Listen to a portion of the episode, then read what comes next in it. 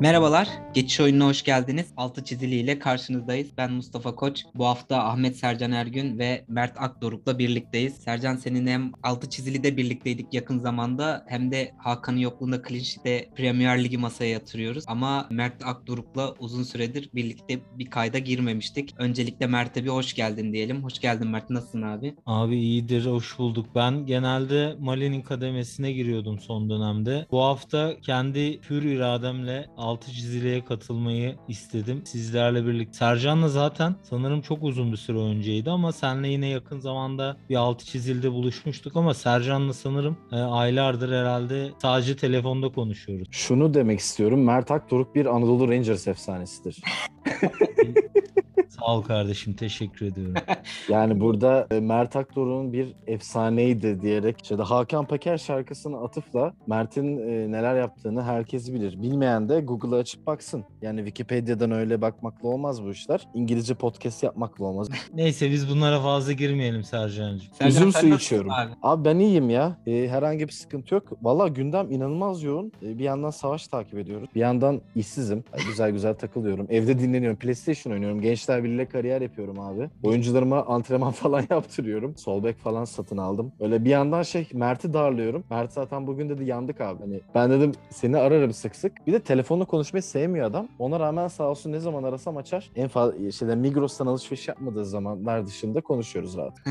Valla dediğin gibi gündem yoğun. Bir de İstanbul'un da ayrı bir gündemi oluştu. Son bir haftadır konuşuluyordu bir kar fırtınası geleceği. Bugün bir birden şehir alarma geçti. Okullar falan tatil oldu. Yağmadı abi. Başlayacak yarın sabaha doğru diyeceği. Bu ne abi şey gibi e, siyasetçi vaadi gibi olacak edecek. Yok ku- kur korumalıdan şu kadar kazanacaksınız. Hani ben bugün kaç liralık market alışverişi yaptım ya. Hiçbir şey yağmadı. Rezalet, skandal. Buradan yetkililere sesleniyorum. Sabaha karşı ya bekliyoruz abi gelmesi. Bizim de okullar İnşallah tatil abi. olduğu için hafif keyifliyiz yani. Bakalım ekstradan iki gün bir tatile öğretmen Romantik e, romantik olarak. takılalım abi işte. Evet. Güzel olur yani.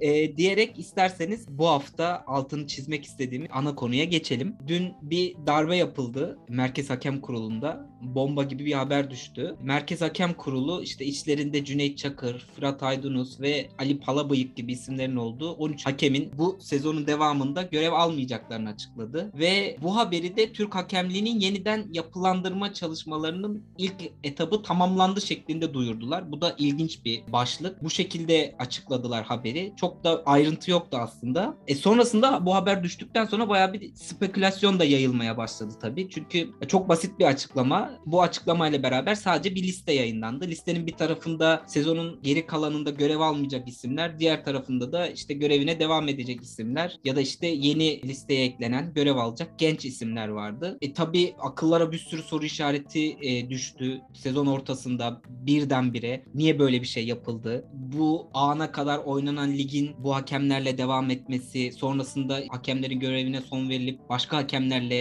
eklenerek devam edilecek olması falan bir sürü saçma sapan soru işaretleri yarattı tabii. E, sonrasında bunun neden ol, bu olayın neden gerçekleşmiş olacağına dair bir sürü iddia var tabii ki ama en önemli iki iddia şu an benim e, gördüğüm ön plana çıktı. İşte birincisi e, içinde Tahir Kıran, Ahmet Nur Çebi'nin olduğu 3 kulüp başkanının Dünyayı yöneten başkanına- aileler değil mi abi bunlar? Rothschild Evet.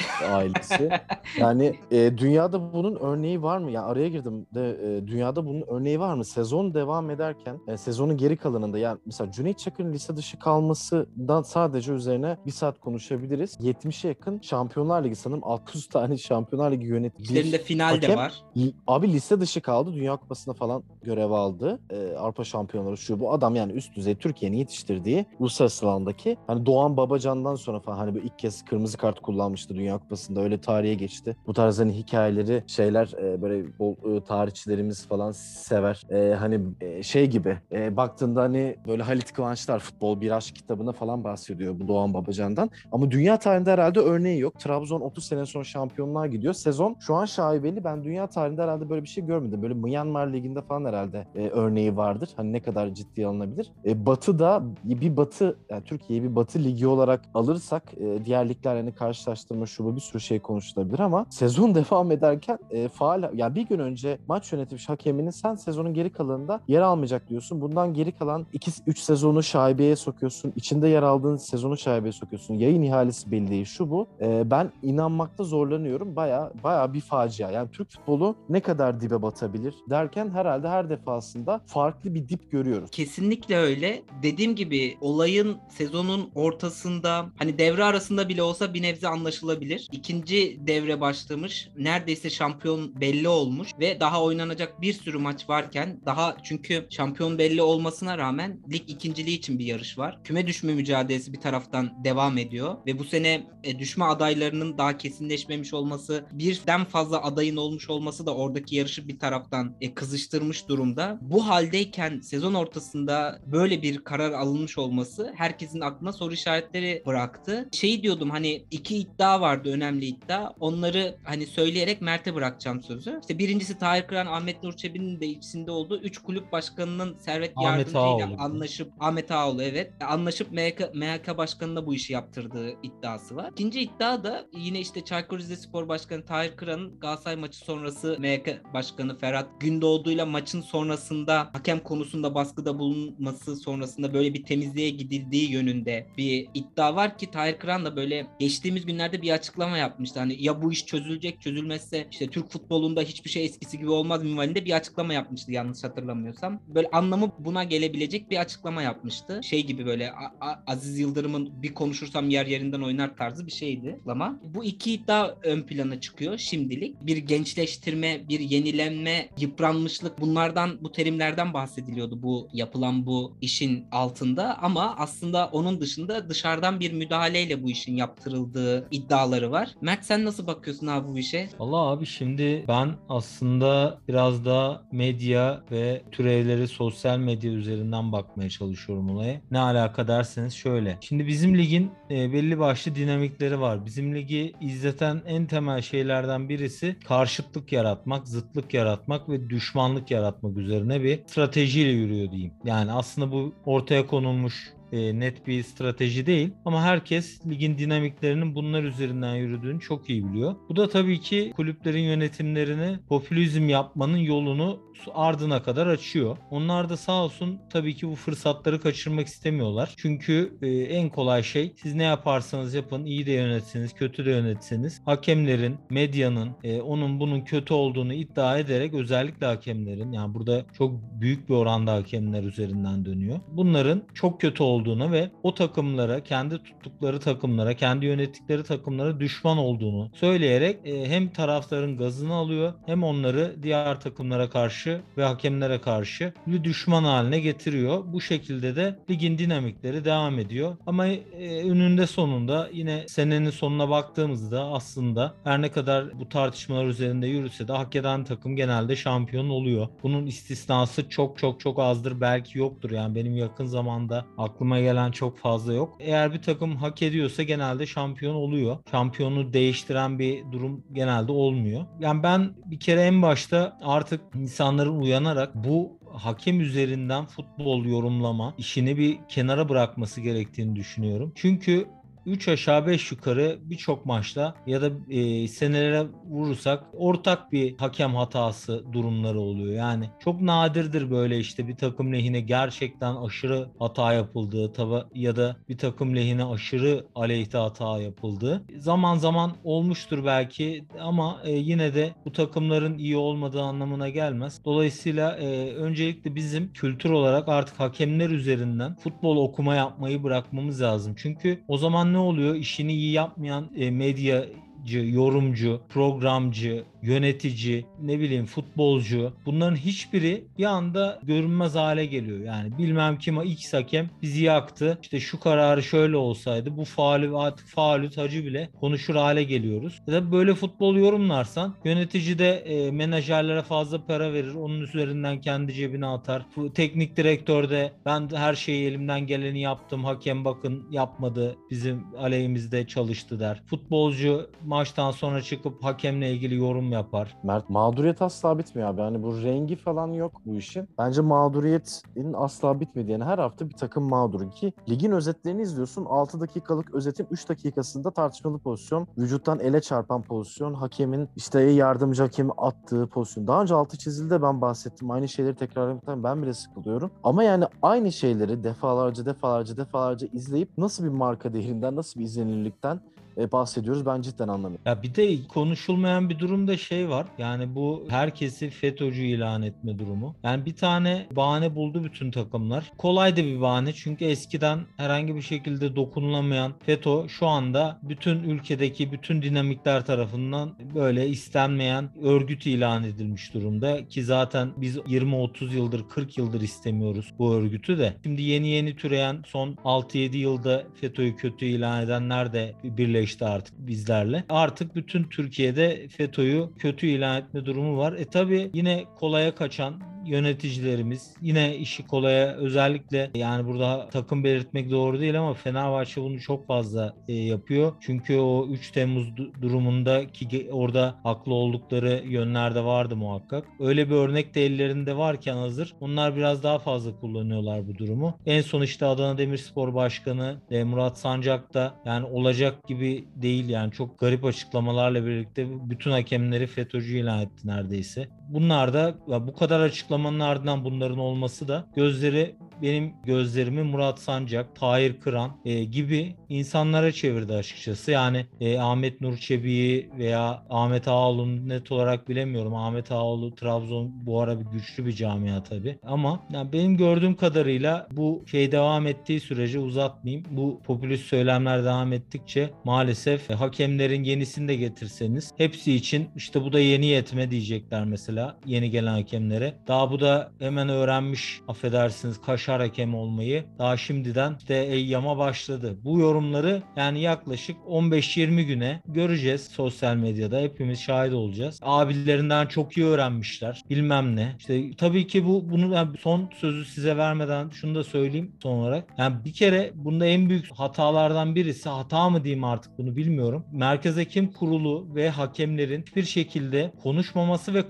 konuşturulmaması. Yani o kadar iletişim kesik ki neyin ne olduğunu hiç kimse bilmiyor ve hakemler ve hakem kurulu kendini savunamıyor. Savunmuyor. Ya bu kadar çok benim aklıma da şu geliyor ondan sonra. Ya bu kadar çok savunmuyorsanız kendinizi demek ki siz bundan memnunsunuz. Ya da siyasetin etkisi altındalar. Yani siyaseten Yani ben hakemler için üzülürken hakemlerin kendileri için üzüldüklerini düşünmüyorum artık yani. Diyerek sözü, sözü size bırak. Şöyle de bir durum var. Şey konusunda çok haklısın. Yani sahada gerçekten sağlam bir rekabet olmayınca rekabetin arandığı yer bambaşka yerlere kayıyor. E burada da işte bu popülist söylemler, hakemler üzerinden spekülasyon yaratmalar ya da komplo teorileri üretmeler bu aranan rekabeti bambaşka yerlere götürüyor. Aslında sahada gerçek bir rekabet olsa, sahada gerçekten oyun olsa buralarda aranmayacak ama ülke futbolunun geçmişten bu yana zaten her zaman bu sorunu vardı ama özellikle 2010'lu yılların sonuna doğru kalite gittikçe düştükçe buraya saplanıp kaldık. Özellikle üç büyüklerin de giderek çaptan düşmesiyle diyeyim tabiri caizse çaptan düşmesiyle iş tamamen buralara kaydı. İşte Fenerbahçe bir türlü toparlanamıyor. Sorunu kendisi dışında her yerde aramaya çalışıyor. E İşte Beşiktaş'ta işler bambaşka bir boyuttayken sürekli federasyon ya da hakem tarafından bir bir taraftan da düşene vuruluyor, imaları yapılıyor. İşte Galatasaray'da dış bambaşka güçler, durum var. Mustafa dış güçler yani asla hiçbir kimsenin e, hatası yok. Dış Evet. güçler var abi. E şimdi Hani dış nasıl bir dış güç abi bu? Hani ben cidden anlamıyorum. Ee, sizde bir hata yok. Kulüp yönetirken hata yok. Transfer yaparken hata yok. Ee, mali tablolar rezalet. Takımlar hani siyaset işin içinde olmasa hepsi iflas noktasında. Ligi kimin yayınlayacağı belli değil ama dış güçler e, devrede yani tamamen dış düşman yaratarak e, bütün kulüpler hareket etmeye çalışıyor. Çünkü dış güç yarattığında, suçu başkasına attığında senin yaptığın saçmalıklar, hatalar halının altına süpürülüyor ama bu nereye kadar sürdürülebilir? Hiçbir şey yok. sürdürülebilir hiçbir boyutu yok. Bir de talep yok. Zaten sıkıntılı kısmı o. E, Bu kötü yöneten insanlara e, sahada gerçek rekabeti isteyen bir kitlenin talebi de yok. Taraftar da bu sarmala e, dolanmış bir şekilde onların peşinden devam ediyor maalesef. Yani bir grup da çıkıp ya arkadaş sen zaten sahada hiçbir şey vermiyorsun. Sen zaten sahada hiç bir şey verecek bir kadro oluşturamıyorsun. Kötü yönetiyorsun. Senin dışında ülke futbolunu, ülke futbol politikasını yapan insanlar da kötü yönetiyor diyecek bir kitle de yok maalesef. E, bizim başkan en büyük başkan. E, o başkan başkan ne diyorsa o doğrudur. E, şeklinde her şey gidiyor. En vizyoner bu insan herhalde ülke futbolunun değişilmesinde öncülerden biri olacak dediğimiz başkan elinde megafonla havaalanında açıklamalar yapıyor. Kulübün e, işte kaptanlarından bir tanesiyle maalesef oraya kadar gidiyor işte bu iş. Gerçekten rekabeti sahada aramayıp e, başka yerlere yöneldiğimiz zaman bu iş maalesef düzelmeyecek ki sen de bahsettin aslında bu konuya hakem konusuna daha ekleyeceğiniz bir şey yoksa oraya geçmek istiyorum. Biz aslında bu elimizdeki futbol adına en değerli e, malzemeyi Süper Lig'i bir taraftan da pazarlamaya çalışıyoruz. Ama e, görünen o ki bu konuda da çok başarı başarı. Yani yayın ihalesi e, bilmecesi var maalesef ortada. Yani teklif süreci bitmesine rağmen önceki hafta sürekli federasyon tarafından nedeni açık açıklanmadığı halde iki defa süre uzatıldı ve en son geçen hafta pazartesi günü bitti teklif alma süreci. Bir haftalık bir değerlendirme süreci oldu ve bu haftanın başında da Bein Sports'un yani Dijitürk'ün teklifinin en yüksek teklif verdiği e, teklifin onların verdiği açıklandı ve bu teklifin de federasyon tarafından kabul edilmediği açıklandı. Yeterli görülmedi. Hatta şey Dijitürk'le imzalamanın söz konusu olmadığı falan cümle böyleydi. E, bir sonraki pakete e, işte en yüksek teklifi veren Saran ve TRT'ye geçtiği e, açıklandı ki orada teknik boyutlar da var. İşte bir birden fazla paket seçeneği var. E, Dijitürk'ün işte en fazla kapsamı en yüksek pakete teklif verdiğini biliyorduk. Saran'la TRT'nin teklif verdiği paketler daha farklı. E, böyle de bir durum var. Yani bu kadar çok spekülasyon, bu kadar çok kaosun ve güvensizlik ortamının olduğu, komple teorilerinin olduğu bir e, ligi de bir taraftan nasıl pazarlayacağız? Pazarlamaya çalıştığımız alıcıların da zaten böyle bir ortama yüksek bir bedelle gir, girmeyeceğini de zaten öngörüyorduk. Bir önceki ihalede de o değerin e, gerçekçi olmadığını da zaten biliyorduk. E, böyle de bir durum or- ortaya çıktı. Abi, Sercan senle başlayalım abi yine. Yani bu iş bir çıkmazda büyük bir ihtimal Bein Sports'un verdiği teklifin daha da altına gidecek gibi görüyorum ben sonrasında bu. Ya şu anda ortalık inanılmaz karıştı. Şu an işte paket 1A, paket 1B falan. E şöyle paket 1A'da 30 maça 140 milyon, 60 maça 500 milyon, 210 maça 60 maçın 3,5 katına 810 milyon liralık bir teklif var. Şimdi burada şöyle bir şey var. E, 60 maça 500 milyon verirken 3,5 katına 810 milyon nasıl veriliyor? Çünkü Dijitürk muhtemelen kendisini şu an rakipsiz görüyor gördüğüm kadarıyla. E, Saran grubunun altyapısı ne kadar var? Çünkü şu an S-Sport'un iki tane kanalı var. E, Beyin'in, Beyin Haber harici dört tane kanalı var. Beyin Haber'de zaman zaman şifresiz Euroleague maçlarını yayınlıyor. Efes'in ya da e, Fenerbahçe'nin. Bir süre sonra belki bu lig maçlarına gidecek. Hani alt lig, e, alt sıralarda yer alan takımların maçlarını belki şifresiz verecekti. Ama e, Beyin'in sahip olduğu kamera ya da e, teknik altyapıya Saran sahip mi? E, bu teklif neden bu kadar düşük ve ihalede izlenen strateji tam olarak ne? Bunları sormak gerekiyor. Bunun üzerine çok Abi akıllı şöyle araya gireyim ben burada. Tabii ki abi. Saran, Saran'ın kamera ve çekim altyapısı Türkiye'deki en iyisi bu arada. Yani e, UEFA Şampiyonlar Ligi dahil hepsini tamamen Saran çekiyor ve e, diğer yerlere dağıtıyor şey kimse. Mesela Bean'e de Saran veriyor yani bu. Saran o konuda sıkıntısız bir şey. Sadece tek sıkıntısı olabilecek nokta bu dekoder durumları olabilir. Çünkü o konuda tecrübesi yok. Ama yayınlama ve e, çekim konusunda Türkiye'nin en iyisi Saran. Şunu soracağım Mert. Şampiyonlar Ligi maçı çekip yayınlama illa bir hafta sonunda komple tüm ligi çekip yayınlama konusunda da şey var mı acaba? Yani e, anladığım kadarıyla Şampiyonlar Ligi'nde ya da Avrupa Ligi'nde Türkiye'de oynanan maçı çekip yayınlama konusundaki yeterliliğiyle komple bir ligi hafta sonunda çekip yayınlama arasında herhalde fark vardı bence. Evet abi. Ben e, aynı şey olduğunu muhakkak öyle. düşünmüyorum ya kesinlikle. Ya ben aynısını yapabileceğini düşünmüyorum Saran grubunun şu an için. Çünkü Saran'ın elinde iyi yorumcular ve belki yeni spikerler var ama işin teknik altyapısı başka başka. Dijitürk bu işi senelerdir yapıyor. iyi veya kötü. Ee, ama Dijitürk'ten de çok memnun olmayan insanlar var. Yani ligin herhangi bir sosyal medya hesabı yok. Özetler facia. Yani 7 gol olan maçı 3 dakika. Büyük bir takımın 1-0'lık maçını 6 dakika veriyor. Mert'le bunu defalarca mesela konuş. Bir marka değerinden bahsetmek için izlenebilirliği olan bir lige ihtiyaç var. Türkiye Ligi e, bir sirk. Türkiye Ligi sadece hakem hatalarının, tartışmalı pozisyonlarının konuşulduğu ve insanların üzerine tartışıp düşman aradığı bir lig bence ve e, satılan dekoder sayısında mesela bu sene Dijitürk'te bir sürü her sene zaten bir takım mağdur oluyor. Beşiktaş, Galatasaray, Fenerbahçe, Trabzon, X, Bursa şu bu fark etmiyor. Şampiyon oldun veya olmadın. Bütün takımlar çok büyük camialar kendi işlerinde. Sakarya olabilir, Kocaeli olabilir. Hepsi bir şekilde mağdur oluyor. Hepsi bir şekilde haksızlığa uğruyor ve e, dekoder satışları inanılmaz azaldı. E, kaçak yayın inanılmaz bir seviyede bahisle beraber bu paralel seyreden bir olay E, ve bunun önüne geçemedi. Şimdi şöyle e-sport ne kadar e, dekoder satacak? E-sport diyor ki ben dekoder satmayacağım, platform satacağım. Türkiye'de internet altyapısı ne kadar uygun? Yani bakın e, Beyin Haber'in Beyin Haber artı 4 tane kanalı var Dijitürk'ün. Üstüne Connect'i var. Benim gördüğüm kadarıyla spor medyasında yer alıp maç takip eden insanlar bile Connect'in bağlantılarından maçın süresini 2 dakika er- arkadan takip etmesinden şikayetçi. IPTV'ler var, şunlar bunlar var. İnanılmaz bir şekilde kaçak yayın ve yani Türkiye'de kayıt dışı ekonomiyle paralel bir sporda hem bahis hem de izlemede bir olay var. Nüfus çok yüksek. Biz bunu Mert'le de daha önce konuştuk. Grupta da biz defalarca konuştuk. Yani Hollanda Ligi, Belçika Ligi'nden daha fazla para etmesi gerekiyor bu ligin ama izlenebilirliği olmayan, topun oyunda kalmadığı, işte sertliğin üst düzeyde olduğu, Eyyam'ın şey yaptığı futbolu bilmeyen hakemlerin olduğu bir lig. Bu ligi ne kadar satabilir? Kime satacaksınız? Yani Bakü'de, Katar'da bir tane kupa maçı oynatırsınız. Hiçbir şeyin sürdürülebilirliği yok. O yüzden hani bu işin şimdi ihalede şöyle bir taraf var. Dijitürk herhangi bir şekilde teminat vermiyor. Dijitürk'ün imza yani e, alabilme süresi doluyor ve olay Saran ve TRT'ye geçiyor. Ya TRT bu ligi yönetir ki benim düşündüğüme gelecek bence nokta. Ligin bir kısmını TRT yani devlet alacak. Çünkü bu lige kimse para ödemez. Bu lige sadece bu takımları bir şekilde hukuki olarak ya da finansal olarak ayakta tutan devlet ayakta tutabilir. E, Saran'da da şöyle bir şey var. Bence Saran grubunun bu lige teklif vermesinin sebebi Saadettin Saran bir sonraki seçimde Ali Koç'un karşısında muhtemelen Fenerbahçe Başkan adayı olarak dikilecek. Onun için belli bence birazcık da PR çalışması gibi geliyor. Bence Saran'ın Türkiye Ligi'ni yayınlayacak bir altyapısı yok. Dijitürk'ün yaptığını yapamaz. E, hadi oradaki ekipmanları, bütün e, şeyleri transfer etsin. Bütün spikerleri, yorumcuları. Yine de çok bocalayacaklar. Ki ben bununla alakalı hani e, bu işin duayeni diyebileceğim sektörden tanıdığım mesela birinin yorumunu burada dolaylı yoldan aktarayım. 6 ay sonra Dijitürk'e gidip kulüpler yalvarır. Yani bu ligi lütfen yayınla diye. Çünkü 10 yıldır 20 yıldır her neyse bu ligi yayınlayan bir platform var ve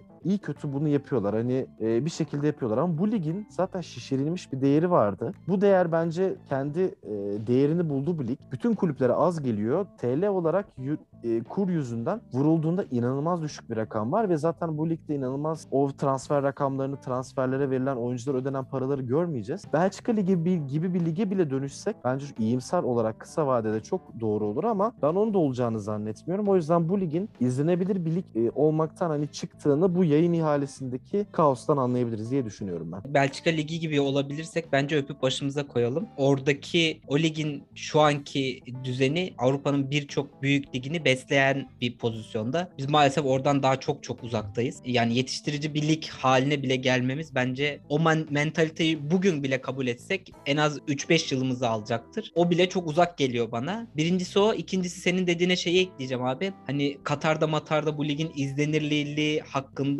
en son Beşiktaş'la Antalya Katar'da şey oynadı. Süper Kupa finali oynadı. E, tribünleri gördüm. Yani bu ülkenin şampiyonuyla kupa e, finalisti orada maç oynadı ve e, tribünde 20 bin kişiye vardı ya yoktu yani. Yani şu an ligimizde zaten tribünleri dolduramıyoruz. Bu ligin en iyi geçen sezon en iyi iki takımını biz oraya gönderdik maç oynaması için. Mustafa, o bile izlenmedi. şey ya? Şu an Orta lütfen Doğu'da abi, herhangi tribünler- bir sıradan Türk dizisinin izlenirliği kadar bile orada ilgi çekmiyoruz.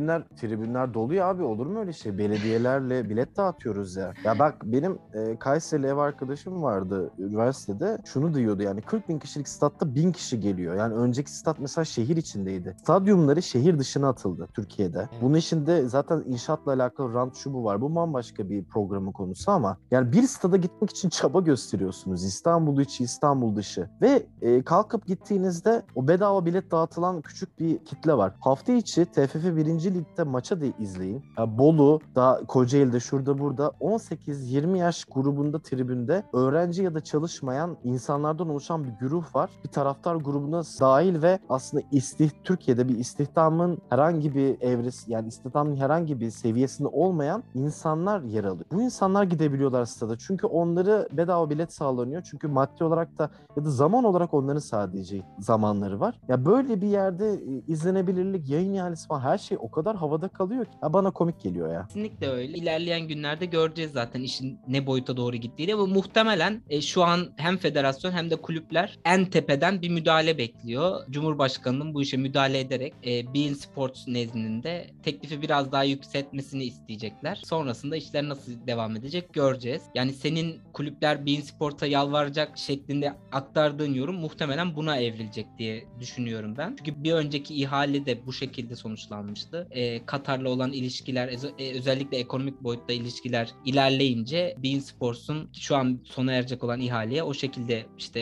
e, 500 milyondu galiba değil mi? 500 milyonu basıp alıp bit e, bitmişti ihale. Yani dediğim gibi ilerleyen günlerde göreceğiz. İşin içine yine bir şekilde siyaset karışacak. Türk sporunda her zaman olduğu gibi diye düşünüyorum. Deyip bence bir sonraki konuşmak istediğimiz konuya geçelim ki bizim dışımızda da iğrenç işlerin, e, sporda iğrenç işlerin olduğunu görerek birazcık da olsa ferahlarız belki. Gerçi çok içimizi ferahlatmayacak bir konu ama hafta sonu Meksika'da çok acayip bir maç oynanıyordu ki yarıda kaldı. Galiba son dönemlerin en büyük tribün olaylarından birine tanıklık etti. E, Meksika'da Quentaro ile Atlas arasında bir maç oynanıyordu ki maçın yarısında o tribünlerde olan karışıklıktan kaçmaya çalışan insanlar sahaya girince maç durdu. Sonrasında 20'ye yakın insanın öldüğü, 30'a yakın insanın yaralandığı haberlerini okuduk. Sonrasında sosyal medya ya o kavga eden ya da bir tribünün diğer tribüne saldırma görüntülerini, insanların işte linç edilme görüntülerini falan izledik ki acayipler, acayip şeyler olmuş. Yani biz şiddet, middet hani Türkiye'de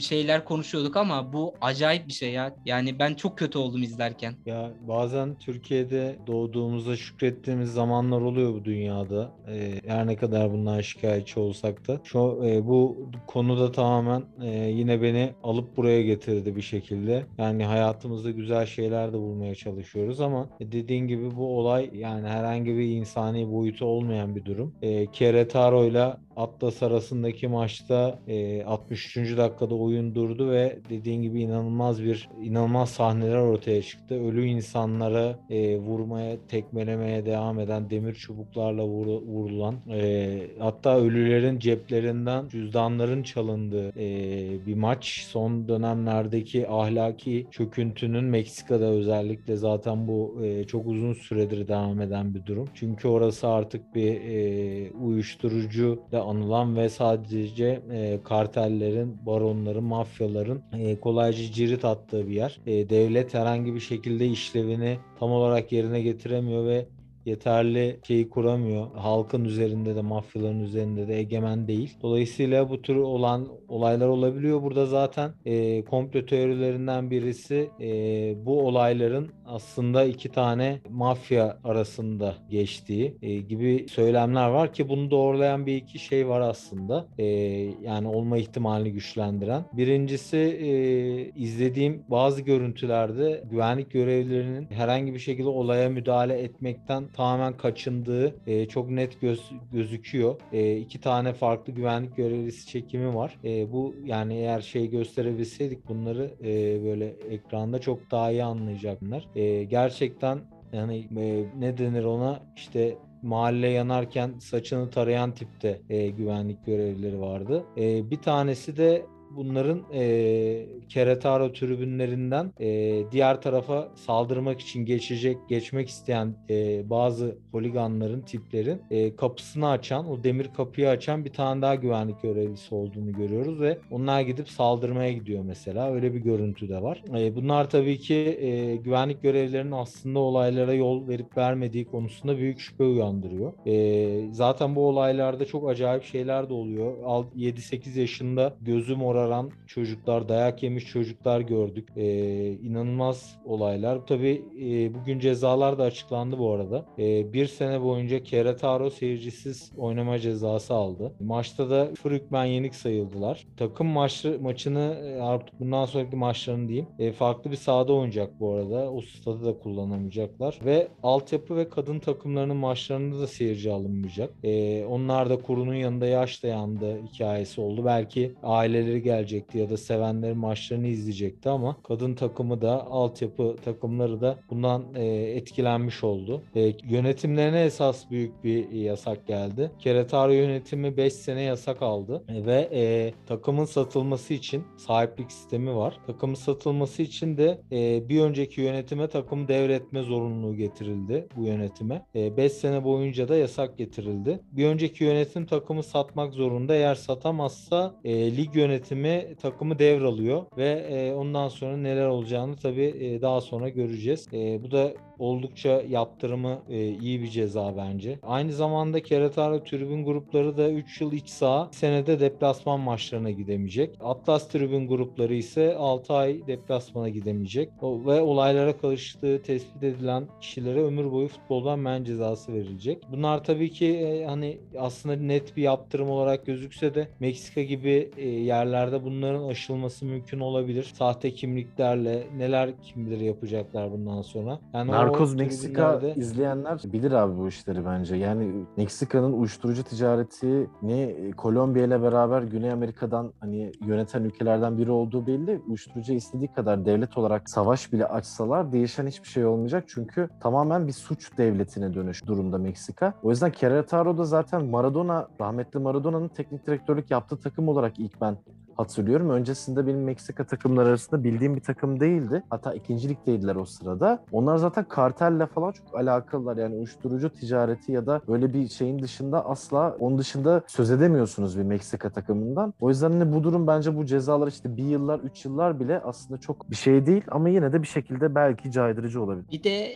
şey var. Alınan kararlardan bir tanesi de elektronik bilete geçiş yapılacak önümüzdeki sezondan itibaren. Meksika'da bizim pasolik tarzı bir sisteme geçecekler. Bizim Ee, yani- Pasolik'i örnek alsınlar bu arada. Yani hiçbir ceza verilmeyen Pasolik sistemini. Ya çok acayip Türkiye'deki uygulaması zaten ki bu sezon çok acayip olaylar da oluyor. Sahaya giren oluyor. İşte Ersin'in Adana maçında kafasına tam pozisyonda şut kurtarırken bir çakmak geldi herhalde. Bir şey geldi. Kafası yarıldı mesela. Bu insanlara ne ceza verildi? Hi- hi- hiçbir şey yok yani. Bö- Böyle bir haber okudunuz mu? Ben görmüyorum bile. Türkiye'deki uygulaması böyleyken dediğin gibi Meksika'da kim bilir neler olacak. En son Neler uygulanacak. Fenerbahçe-Trabzon maçında sahaya giren taraftar daha maç bitmeden salınmıştı mesela.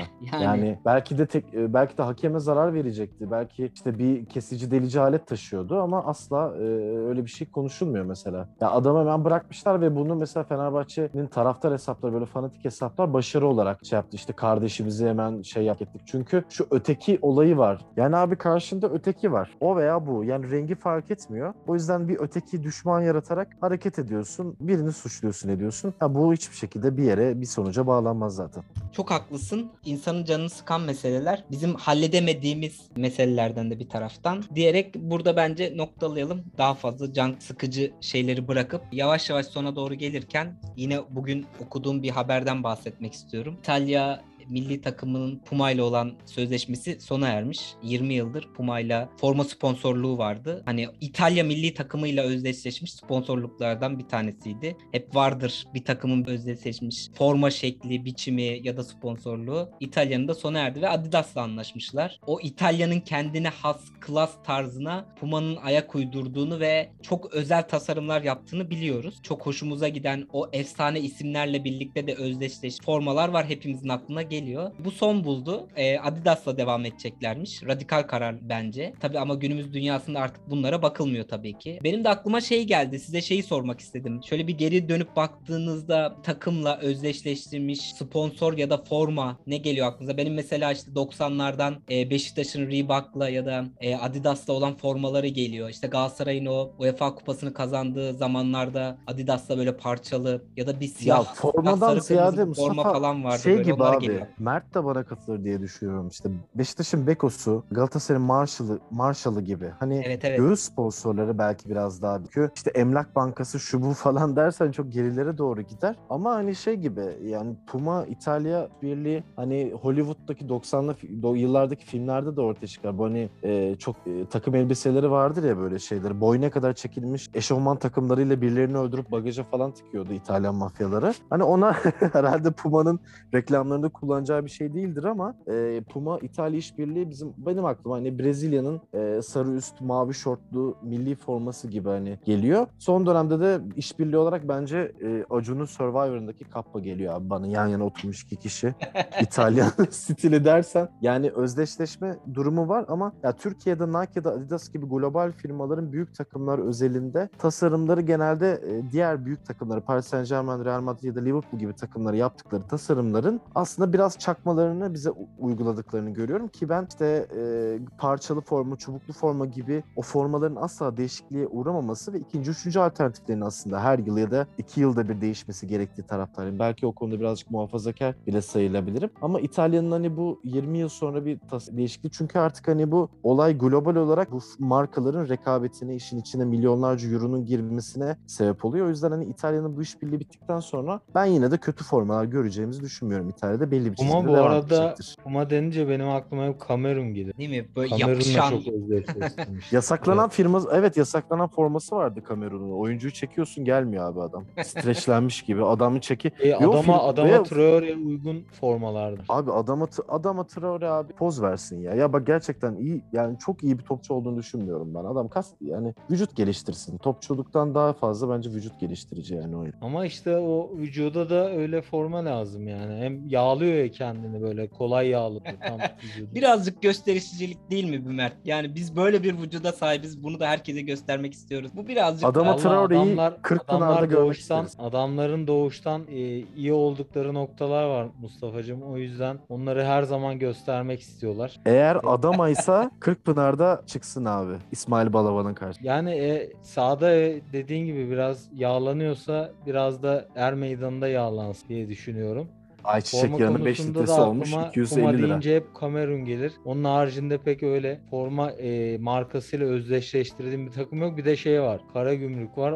Onların da kendi markası Wolf mu Wolf mu ne öyle bir marka. Abi Joma var bir de. Joma. Real Sociedad mıydı Joma? Joma bir ara marka. evet evet Sevilla'da var mıydı Joma? Yok ben hatırlamıyorum. Sociedad Ben de- gibi geldi bana. Ben de Sevilla diye hatırlıyorum. Sevilla'da, Sevilla, Joma- Sevilla'da hatırlamadım. Sevilla Joma mıydı? Hiçbir fikrim yok ya. New, New Balance öncesi bir Joma'sı vardı. Trabzon'da bu gidişle Macron'la özdeşti. Trabzon da bir ara kendi markasını denedi. Bir ara Kardeşim Fransa Fenerbahçe Cumhurbaşkanı Macron mu?